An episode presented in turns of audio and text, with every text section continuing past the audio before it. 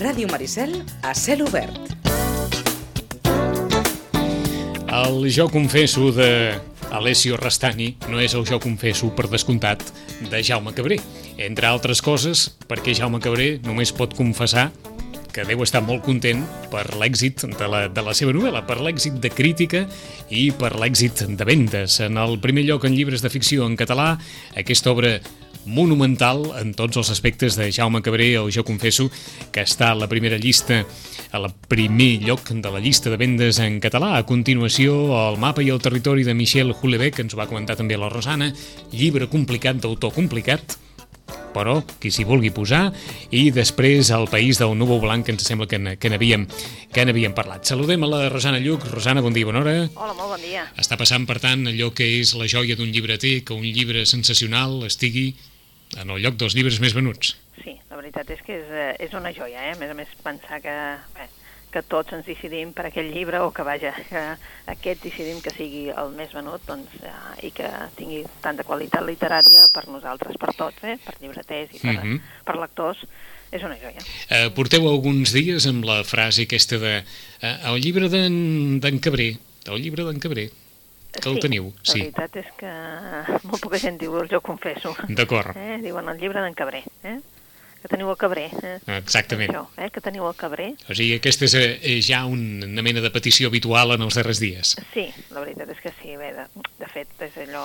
Bé, gent que diu, bueno, és que pensar que no, que no l'agafava d'allà, doncs ja, ja l'agafo. Eh? Mhm. Vull dir, clar, perquè, evidentment, suposo que totes les llibreries en aquest moment doncs, en tenim piles per tot arreu, perquè, bueno, per tot arreu no, però vull dir, tenim pila perquè la gent vegi que, doncs, que realment tots apostem per aquest D'acord. Recordin que els llibreters en poden fer pila, però com que el llibre fa gruix, la pila és una pila amb pocs llibres per fer volum, ja, eh? Exacte, amb 5 fem Amb- una pila, eh? amb cinc es I la fa una grossa, pila, eh?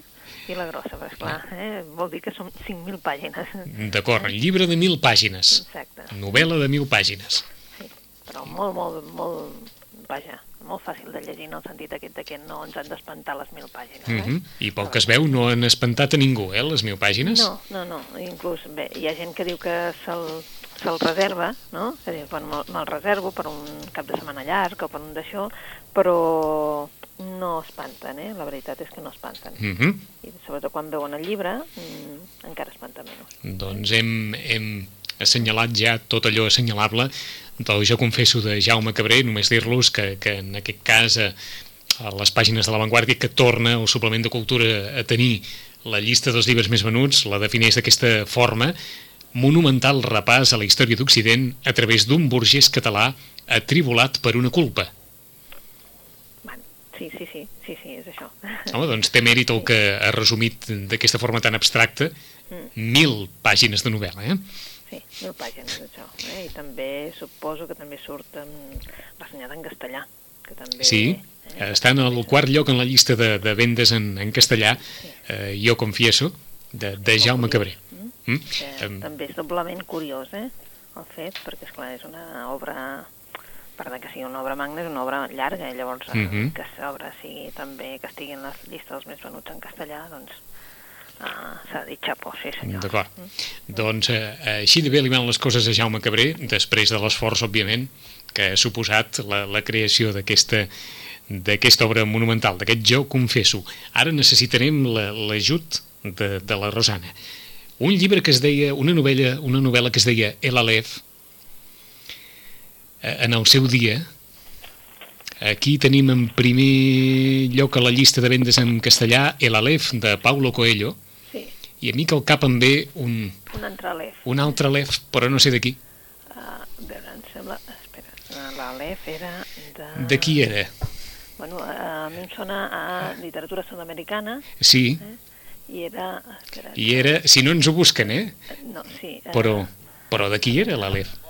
Ah, de Jorge Luis Borges. Borges, Borges era. Borges. Gràcies, Albert. Ara, ara, sí, és que més a més l'he llegida. O sigui D'acord, doncs- dius, Tots l'hem llegida i de Borges. Eh? D'acord, doncs quan he vist l'Alef Paulo Coelho, Sí. viatge en el Transsiberià, el protagonista es troba una violinista que canvia la seva vida cap allò místic, és aquest títol, el més venut en castellà, segons aquesta llista, i el quart en català.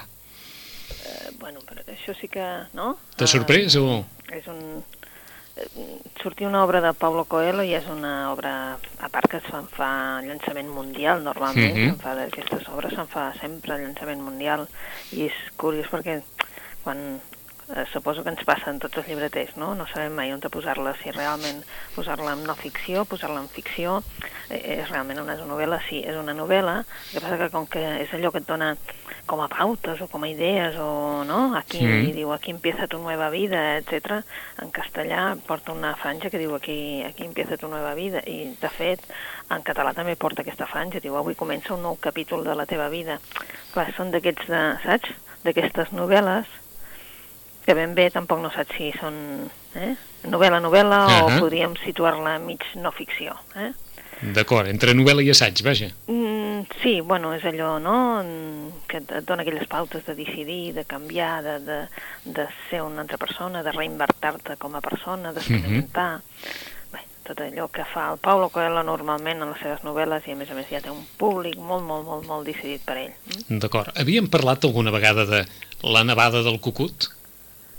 La nova... Sí, sí, n'havíem parlat, Sí? de la Blanca Busquets. De la Blanca De Busquets? la Blanca Busquets, sí, n'havíem parlat perquè precisament va venir, just abans que li donessin el Premi Llibreter, va venir per aquí a Vilanova, Mhm. i sí, una autora amb una obra no entranyable, una obra que és mm, recomanable perquè ens parla amb una calidesa d'una història familiar, d'una dona, eh, en definitiva és com si hagués agafat els, els, les, les llibretetes de les seves, de, de les seves tietes, no? Sí. diguéssim, d'una tieta, i el començament és fins i tot graciós perquè dona una idea de, de el que és una dona, no?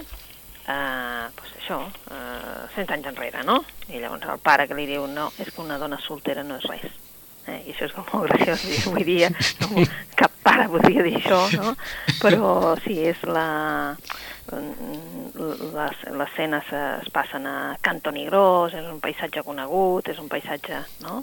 Els personatges també els podríem reconèixer com a avantpassats nostres. Mhm. És una història maca. Mm? D'acord, hi ha un munt d'escriptores, eh? A, Sí. a la llista de llibres més venuts, Ah, us ho diem perquè... Però, però n'hi ha una bona colla, eh? Hi ha Marta Rojals en Primavera, Estiu, etc. Hi ha l'acabadora de Michel Amorgia, que n'havíem parlat en el, en el seu dia. Eh, hi ha també La porta de, dels tres panys, de Sònia Fernández Vidal.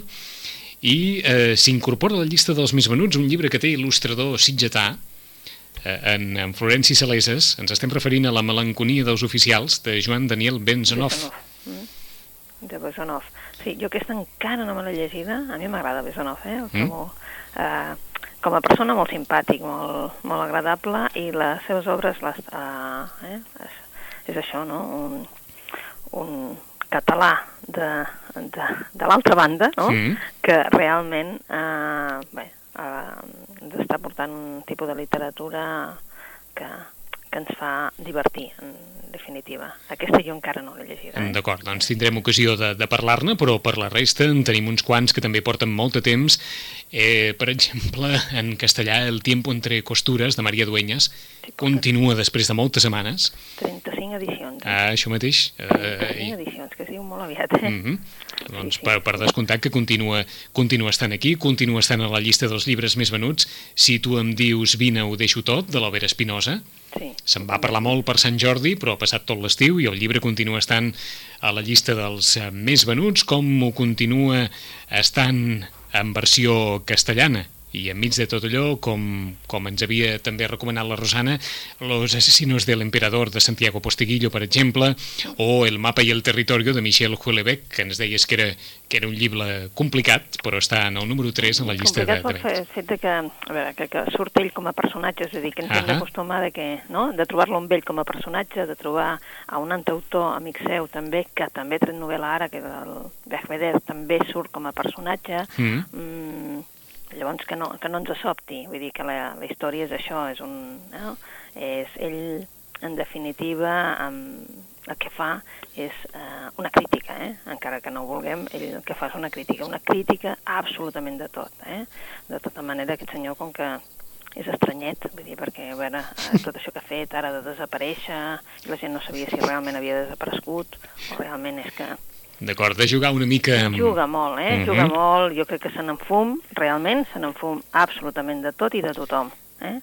Perquè, vaja, deixar una gira, no? Vull dir que l'estiguessin esperant sí. i, i el tio no apareix ni, ni dir res, i a més a més, vull dir, no contestar, i la gent pensant a veure si és que havia marxat o és que realment havia desaparegut o l'havien segrestat o alguna cosa d'aquestes, realment és jugar molt mm -hmm. en tot, eh? Doncs abans de passar les recomanacions, dues incorporacions en l'àmbit de, de l'assaig, de, de la literatura de, de no ficció, per, per saber si, si és que veritablement a la llibreria també us hi heu trobat. Per una banda, les reflexions d'un vell centenari, el doctor Moisés Brogi, que als seus 103 anys parla dels, dels estímuls, dels al·licients de la bellesa, això per un costat, i per un altre un llibre d'aquells que, que de ben segur també es compra per la, per la portada, és el llibre d'un eh, senyor argentí, Bernardo Estamateas, que eh, intenta d'alguna manera donar estris per identificar les persones que ens compliquen la vida. El llibre es diu Gente tòxica, i, i està aquí en el, en el número 2 de la llista de vendes i, i t'ho preguntava per si veritablement també ha, ha tingut interès aquest. Bueno, des que va sortir, eh, un interès increïble. Increïble. Increïble, sí, sí. La veritat és que sí. És que no, es pot dir, no es pot dir més en un títol, per això, eh? Gente sí, tòxica. Gente tòxica. Jo crec que, no sé, suposo que això també és el que ha fet que molta gent s'hi acostés, no? Mm -hmm. I això, no? Que, que t'ha picat, no? picat la curiositat o no? A, a mi sí, però no hi he arribat a, a llegir-me'l, eh? Vull dir, m'ha picat la curiositat, i mirat la portada, i mirat al darrere i pensat, um, bé, sí, això, eh? Com identificar les persones que ens compliquen la vida, um, no sé, vols dir, jo, jo en tinc unes quantes identificades, eh? Sense necessitat del llibre, vols dir. Eh? Sí, llavors he pensat, no, no el llegeixis, eh? no, no, per falta de temps, eh? No, sí, no perquè, sí, sí. Però per falta de temps escolleixes i dius, bueno, ja saps que a mi no ficció, llavors me'n mm -hmm. poso en coses que, que, que, que m'encantin, sí, no? Sí, sí. O que, si que no, sorprenguin. Eh? D'acord, si no abans agafaràs en Bensonov, per exemple, que la Gente Tòxica. Mm, sí, sí, sobretot perquè, saps, aquests tipus de llibres no, no em criden gaire, eh? Ho reconec. No... I el llibre del doctor Brogi també està sent demanat? El llibre demanat? del doctor Brogi té una, un avantatge, i és que són res. Eh, és un llibre molt, molt curtet. Llavors, això, la veritat és que bé, eh, han volgut fer... És que ara resulta que del brogi, dels brogi, dels sí. brogi, eh, alhora n'hi ha, saps? N'hi ha diversos, eh? Vull dir, perquè hi ha el de Moisès Brogi, que surt aquí, les reflexions del sí. centenari, que són aquestes converses amb el... Amb el després les converses amb el net, sí. i del fill en surt un altre, és a dir, que... De... Sí, el fill que és el de les reflexions amb en Jordi Pujol? És o no? Uh, o el fill ha parlat? No, un altre no. metge, o sigui, uh, que, en sortirà un altre, em sembla que encara... Tens raó, tens raó, eh? el fill, sí, sí, sí, sí. Uh, és allò que dius, uh, um, noi, uh, saps? Vull dir, ha coincidit això, però sí que és veritat que el, el senyor Brogi a tots, no? Vull dir, fa com a... Eh? Perquè veus escrits també a, a Brogi Converse el, sobre el camí de la vida és el, el títol en castellà, sí. eh, aquests, les reflexions del vell centenari, i després eh, n'ha d'escriure un al fill, amb la qual cosa mm, se suposa, saps, que tindrem així doncs, com a els brogi a la taula. D'acord, i és una llista de veterans, eh, la de no ficció en català, perquè hi ha Moisés Brogi en primer lloc, mm. hi ha Stefan Hessel tant amb l'Indigneu-vos sí. com amb el Comprometeu-vos, hi ha el president Pujol, que ja també és un home d'edat, eh, residuals o independents. L'expresident proposa una tercera via equidistant de l'independentisme i la rendició a les tesis centralistes. Estan al número 3 de vendes. Vaja que el més jove de tots, en la majoria de casos, segurament és Kilian Jornet, amb el seu Corre o morir, Sí. El llibre a partir de les reflexions de, de com ho diuen aquí, perquè així ho és, d'un jove fora de sèrie, especialitzat en, en les carreres de muntanya, i, i bé... El, el... Sí, és el més curiós de tot, de la llista, també. Sí, no? per descomptat. Eh, perquè... Eh, una, filosofia, una filosofia de vida, eh, a partir de... Sí, sí, sí. la veritat de... és que sí. Mm. Llavors, mm. i, I a més a més, que no només la gent que corre, sinó molts altres s'han acostat al llibre, és a dir, no només els que corren. D'acord, eh? no només el, eh, diguem els que practiquen esport, sinó... Exacte, sinó molta altra gent. Mm? D'acord. I després també aquesta setmana està sortint, que suposo que la setmana que ve anirà més amunt, és el, no, no, encara no sé per què, eh? però l'Eduard Ponset, amb les excuses per no pensar, Mm, surt aquí al final, Rosana. doncs eh, aquest, saps, portem uns dies que és com si, no? No sé si és que ha sortit un programa de ràdio, el que sigui, però la gent s'està interessant per aquestes excuses per no pensar. Uh -huh. Punt 7 sempre tira, eh? Sí, sí, sí, molt. No falla, no? Eh? Vengui, vengui pa de motlla, o publiciti pa de motlla, o, o, ben o curiós. llibres Tot d'autoajuda, plegat eh? és molt curiós, eh? Tot plegat és curiós, el fenomen d'Eduard Ponset, Sí. a partir d'un programa, d'un programa residual de la 2 de Televisió Espanyola a les matinades deixant de banda la vida política i, òbviament, la, la vida professional de- d'Eduard Ponset, la mediàtica venia d'un- programa molt petit de, de fidels i això ha anat creixent a poc a poc com a, com a fenomen. Anem per les recomanacions eh, d'avui, per on comencem, Rosana? Doncs comencem, per exemple, per un autor que us deu sonar, el Carles Casajoana. Uh, no sé si recordeu que fa... deu fer doncs, dos anys o una cosa així, Mhm. que mm, va publicar un altre llibre, uh, L'últim home que parlava català.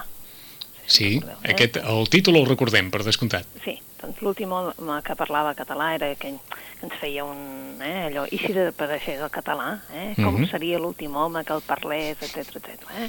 Bé, doncs eh, ara ens presenta una novel·la molt diferent, eh? es diu eh, Un escàndol sense importància. Mm? És una de les darreres que ha sortit res fa encara no una setmana i ens parla doncs d'un home, el Rafael Masferrer, que és un senyor que està casat, eh, amb els fills grans ja, i ell doncs està al capdavant d'un bufet de Barcelona. Eh?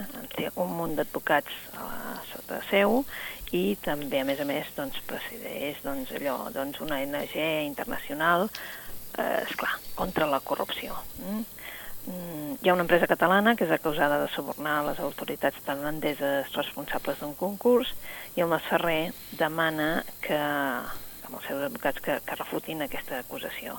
Eh? Mm. Mm, es troba una sèrie de reticències um, i aviat aquestes reticències eh, es converteixen en amenaces. Eh?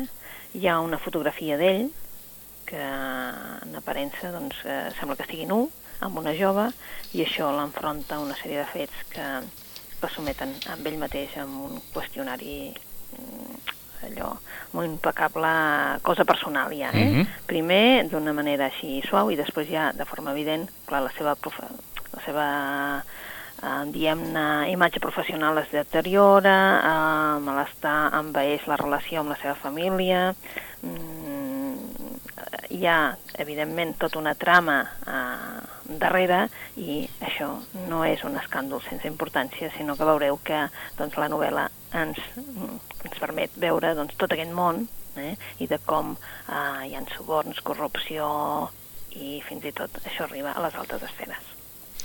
És, eh, torna a fer una dissecció de la societat catalana en plena, diguéssim, globalització i el que fa doncs, és descobrir els tabús i aquestes hipocresies de la gent benestant. D'acord. Res relacionable amb algun cas particular o no? Absolutament ficció. Mm, No, eh, jo suposo que és ficció, eh, totalment ficció, eh, que passa que, clar, eh, sabem que, Mhm. Que com Que- que és diplomàtic, eh, D'acord. doncs és, mm, clar, potser sí que s'hi ha trobat amb el tema, Mhm. no ho sabem, però vaja, en definitiva és eh, eh, una, una novel·la curta, com ell ens té acostumat a aquest tipus de novel·les més curtes, però sí que la veritat és que podia ser real. Eh? Doncs de l'últim home que parlava català, un escàndol sense importància, de Carles Casajoana. Segona recomanació. Segona, doncs mira, ja que parlem de d'escàndols i d'això, anem se'n cap a una novel·la policiaca, però una novel·la policiaca diferent. Uh, se n'anem en comptes dels vents del, del nord, eh? no, no anem cap a, cap Cap a Suècia, Mhm. no? ni cap a Noruega ni Dinamarca, que, que darrerament ens venen totes les novel·les d'allà, sinó mm, se n'anem cap a Nàpols. Eh? Us parlem d'una obra que està publicada a Lumen. Per tant, eh, diríem que es retira de tot aquest món de la novel·la negra normal, Mhm. perquè no és costum d'ells fer novel·la negra. Es diu L'invierno del comisario Ricciardi mm? i l'autor és Maurizio de Giovanni. Mm? Situa, evidentment, a Nàpols, eh? Eh, aquest comissari Ricciardi va néixer com a protagonista d'un conte, però la veritat és que l'autor, com que va tenir molt d'èxit, va treballar i, de fet, ara ja, ja hi ha quatre novel·les dedicades a aquest personatge. Mm. Um, el comissari Ricciardi eh, se situa als anys 30. Eh? Eh, ell diu, si pudiera decirlo, lo diria sí. Me llamo Luis Luigi Alfredo di Ricciardi i veo a los muertos. Això sona com una frase, ja ho saps, eh? sí. d'una pel·lícula, eh? Sí, però sí. no, estem a Nàpols a l'any 31, una època, evidentment, de feixisme a Itàlia, eh? i és hivern i la ciutat sembla que, doncs, que tingui molt de fred. Eh? El comissari Ricciardi no para de treballar. És un home allò solitari, és un home que, que té, això sí, un poder estrany, un poder heretat de la seva mare. Eh? Ell veu l'últim gest de les víctimes de mort violenta i sent les seves últimes paraules. Aquest do, evidentment, li, li, li dona, diguéssim, la via per posar-se de ple en les investigacions, però, és clar alhora comparteix el, el dolor d'aquell qui ha mort. Eh? De vegades per això el veiem com a silenciós o se'l nota com a la, la mirada estraviada, tal com ens, ens, ens posa l'autor. No? Mm -hmm. Um, la veritat és que en aquest primer cas el veiem als camerins del teatre de San Carlo de Nàpols, eh? i allà tenim un tenor, l'Arnaldo Bezzi, que és un artista admirat pel seu talent i és amic personal de Mussolini. Eh? Uh, ha estat brutalment assassinat just abans per pujar a, a l'escenari per cantar i Paglazzi. Per tant, anarem descobrint realment el caràcter d'aquest personatge i veurem que una vegada més es compleix la llei del Ricardi. Les víctimes d'un crim, eh, vinguin d'on vinguin, acaben morint, o bé per fam o bé per amor.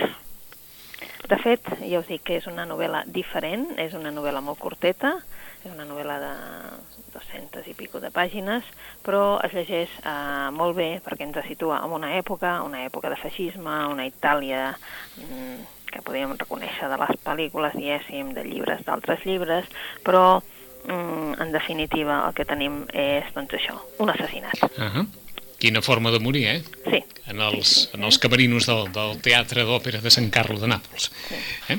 La novel·la El invierno del comisario Ricciardi de Maurizio Giovanni, eh, personatge que va néixer, com ens deia la Rosana, a partir de, dels contes d'històries curtes i que ha arribat al món de la novel·la. No és una novel·la policíaca habitual, eh? però com, No, com no, deia la no, no, Rosana, no no, és, no és, no té eh? aquells ingredients de... de... Clar, de. Venècia ens ve el... Uh, el Camilleri, Mm. ai, perdona, la Dona Leon, Sí. que després ens tenim el Camilleri, i ara tenim aquest Mauricio de Giovanni, que comencem amb aquest invierno del comissari Ricciardi, i suposem que després ens vindran les altres obres de- d'ell. D'acord. Per tant, se n'anem a Nàpols, una altra, una altra ciutat. Eh? Tercera recomanació.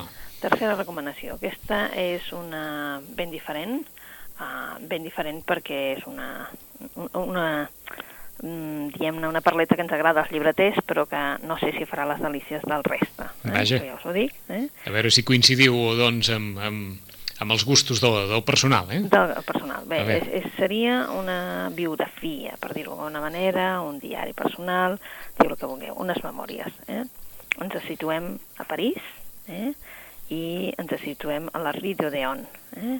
Mm. eh, bueno, ens situem en un lloc que es deia la Maison des Amis de Livre. Eh? Clar, ens situem en una llibretera, una llibretera que l'any, eh, em sembla que va ser el 15 o el 16, eh, va en plena guerra, ja ho veieu, doncs va decidir que, doncs, que doncs, obria una llibreria gràcies a que el seu pare va cobrar doncs, una indemnització perquè es va quedar coix, estava, em sembla que treballava a Correus i va, per un accident va quedar coix i li va donar els diners d'aquell de, del que li van, de la indemnització li van donar amb la, amb la seva filla perquè la seva filla tenia un, un somni, Ahà. crear una llibreria. Mm? Aquesta llibreria serà la llibreria en el que apareixeran absolutament tots els poetes que corren per la, la França ocupada, la, la França, diguéssim, en guerra. Mm? Després viurà una altra guerra, vale? la segona, eh? Mm. evidentment també entremig hem de dir que hi ha una història personal amb la Sílvia Beach, mm? Que és la, uh, l'altra llibretera que va, la nord-americana, que va aparèixer a París, en un país que es movia intel·lectualment, que hi havia autors americans, uh, anglesos i, evidentment, tots els francesos.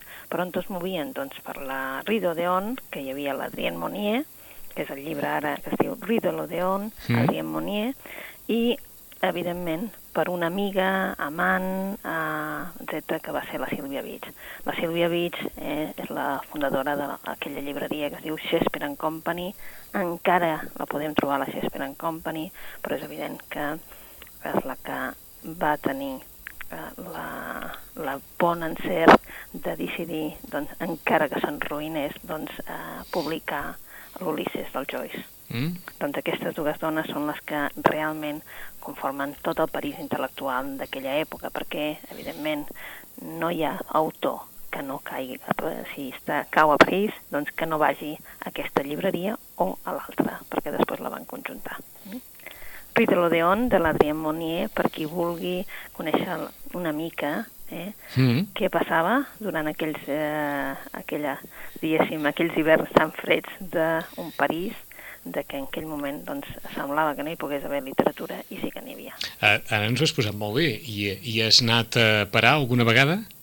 Jo a Shakespeare and Company sí, i a la Rideo d'On hi he passat moltíssimes vegades per veure on hi era, eh? Sí, sí.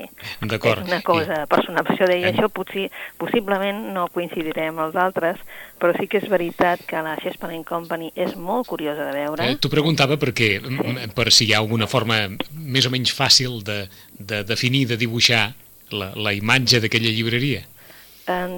D'aquesta sí perquè eh, te la descriu. D'acord. Vale? I en el... En el Ho dic per quan, per quan hi vas anar, eh? Com era? Uh, jo jo d'aquesta no, no l'he vista. Jo No. la Rideo d'on no l'he vista, el que, La- he vist el que hi ha ara. eh, Sí. Que no, eh, però la de Shakespeare and Company. i continua sent a la vora de... Vull dir, tu quan mires a, a, la catedral de Notre Dame, Sí. aquí a la dreta, el que passa que costa una mica de trobar perquè, clar, l'adreça que et diuen no, no és ben bé, però sí, i està just igual, igual que, que era, eh? I diu D'acord. Shakespeare and Company, i entres, és una llibreria de segona mà, vale? tot el llibre està en anglès, o sigui, perquè eh? Sí. Shakespeare and Company, però encara pots pujar, eh? fins i tot a on, diguéssim, a una espècie de d'habitació que hi ha dalt, que és on es reunien la Sílvia Beach i el Ulisses i parlaven de, de tot i més. D'acord. Vull dir que té un aire encara per, per eh, no? Sí, sí, Pels una- ferits, per dir-ho un- d'alguna manera, un- que hi arriba això- absolutament tothom eh? Era- per és a dir- veure la, la llibreria. Ahà, un I aire llavors, de- de- evidentment, fan la ruta fins al llibre de, de l'Odeon, però ja no hi és. D'acord. O sigui, un aire de, de la típica llibreria de vell. La, Sí, sí, totalment, eh? Ah, D'acord. la- Totalment, eh? Penseu que, a més a més, l'Adrien Monnier, la gràcia seva era que no només eh, venia llibres, els prestava, vull dir, saps? Vull dir, Mhm. vaja, negoci, negoci, no massa, eh? D'acord, d'acord, d'acord. No, eh? Vull dir, però Me- més prestava tranquil·lament, Mhm. perquè, esclar, ella el que volia era, diguem-ne, tenia aquesta idea de, de literatura, no? De compartir literatura. D'acord. Ara perquè no en podem parlar, però és clar quan el negoci, quan la vocació es converteix en professió, poden passar aquestes coses. Eh, exacte, poden passar aquestes que, coses. que eh? no hi hagi tanta pragmatisme i valgui més el cor que el cap. I, i aquí segurament hi havia una mica de, eh, d'això quan la llibreria es convertia en un centre de, de, de cultura i les coses anaven amunt i avall, sí, etc. penseu que vull dir que hi va passar pues, tots els poetes de l'època vale? um, que clar el Git, tots o sigui, i, i pues, el Hemingway quan va arribar, evidentment també vull dir, tots, absolutament tots els autors que, que arribaven a, a França havien de fer doncs, allò, una paradeta allà. Mhm. mm? I ell els ajudava si no tenien lloc per... Vull dir, saps, no era només una llibretera. D'acord, d'acord. En aquest sentit es va convertir en un baluart de dir, Mhm. escolta, doncs a veure, tu no tens lloc per anar a dormir, doncs mira aquí, allà, vull dir, saps? Era curiosa, eh? Una Mhm. persona curiosa, igual que la Sílvia Beach, persones molt curioses. Doncs eh, Rue de l'Odeon, d'Adrien Monnier, Sí, Tenim, tenim, per tant, un advocat embolicat en una trama, tenim una novel·la policíaca inhabitual, tenim aquesta biografia també inhabitual, però sobretot que podria agradar molt als lletraferits i a tots aquells que tinguin amb l'Ulisses de, de Joyce un, un referent gairebé de, de vida, i tenim temps per l'última última recomanació. Doncs, mm, si ens dona temps per una altra, Sí, doncs mira, parlaríem de la Sílvia Avalone, que ha publicat, s'ha publicat en català i en castellà una novel·la que ha guanyat el Premi Campielo eh, com a primera obra. Mm? La veritat és que la Sílvia Avalone és una noia jove i és curiós perquè, clar, el Premi Campielo li donen a la primera obra, normalment són autors doncs, que, que els donen a conèixer, no? Um, ella va escriure això en només 25 anys i la novel·la es diu De Ser. Eh? Ah, Està publicat en català, com us Mhm. deia, en castellà també es diu De Acero, eh? i ens parla doncs, d'un lloc, eh? d'un barri obrer. Ella va viure en aquesta ciutat, a Piombino, eh? i eh, ens parla de, des, de la, des dels blocs dels pisos de Via Stalingrad, uh -huh. un barri obrer de Piombino, es veu el Mediterrani. També la llum, la platja i una mica més enllà la, la illa d'Elba. Eh? Però la veritat és que aquest barri no és un barri de, on aniries de vacances, eh? perquè és un barri ple de fàbriques, de blocs de formigó, i aquesta vista doncs, no és gaire agradable. Eh? A Piombino, quan tens 14 anys, tot és una mica difícil. I si a més a més el teu pare no és ningú i el que fa és treballar com un burro a les fàbriques de ser que donen pa a mitja ciutat encara és més difícil. Eh? Tot això ho saben bé dues noies, l'Anna i la Francesca. I també saben que en una barri eh, com aquest, eh, quan el teu cos comença a canviar, només hi ha dues alternatives. O t'amagues o exposes descaradament la teva eh, bellesa i l'utilitzes per ser algú. Eh? És una novel·la més aviat doncs, social. És una novel·la que ha estat guardada amb aquest premi perquè eh, és allò que diem, si la classe obrera diem que ja no existeix, la Sílvia Balonet dona a veure a tot el, a tot el món que sí i que a més a més aquest món viu a la deriva. Ah. No?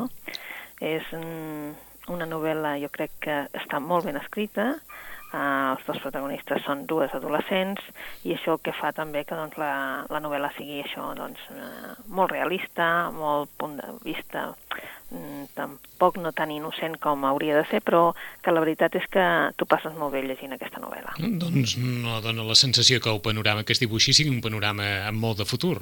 No, no, no, No. evidentment que no. No. Uh, però la veritat és que de barris com aquests tots plegats, Mhm. vull dir, només que anem per la ciutat Sí, en sí. veiem uns quants, potser no hi ha tantes fàbriques, eh? perquè el que no tenim ara són precisament fàbriques, Mhm. però sí que hi ha doncs, un barri amb poques D'acord. perspectives. L'ha escrit als 25 anys, deies? Sí. Sí. El va escriure als 25 anys i potser la gràcia de... Eh? Um, la crítica l'ha reconegut com a aquesta nova generació d'autors eh?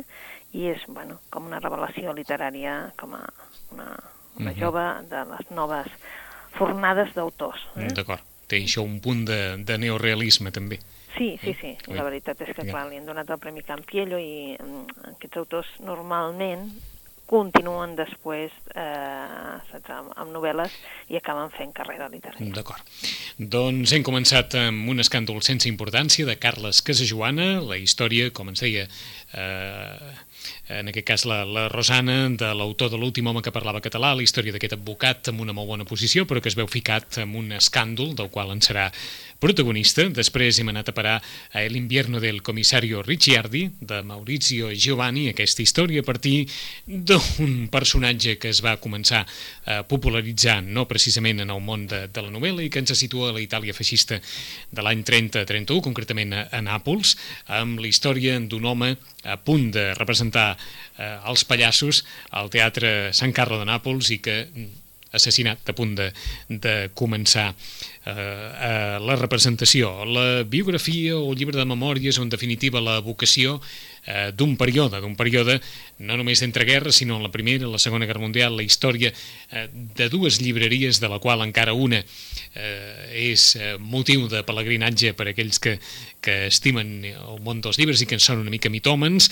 Eh, la novel·la és eh, Rue de l'Odeon, d'Adrien Monnier, la història de Shakespeare and Company i també, en darrere de tot, de tot plegat, la història de la Casa dels Amics dels Llibres, d'aquestes dues llibreries eh, i sobretot d'aquest vincle entre Sílvia Beach la, i, i en aquest cas eh, James Joyce eh, i la creació, l'edició de, de l'Ulissis d'aquesta obra de la literatura referenciada a tot arreu. I finalment de Sílvia Baloni, aquesta història, aquesta novel·la social dura, eh, d'un petit o un gran barri obrer de la petita ciutat italiana de Piombino, on dues adolescents, eh, diguem-ne, que es posicionaran intentaran buscar una estratègia de vida on, on el seu propi cos els servirà per obrir, per obrir portes abans d'estar de, tancades a casa seva en un entorn familiar, diguem-ne, de, de, de filles d'obrer d'una fàbrica i sense massa possibilitats de futur. En 15 dies tornarem a fer un repàs, com no, a l'actualitat eh, literària amb la Rosana Lluc. Rosana, gràcies. Moltes gràcies a vosaltres. Fins aquí 15 dies.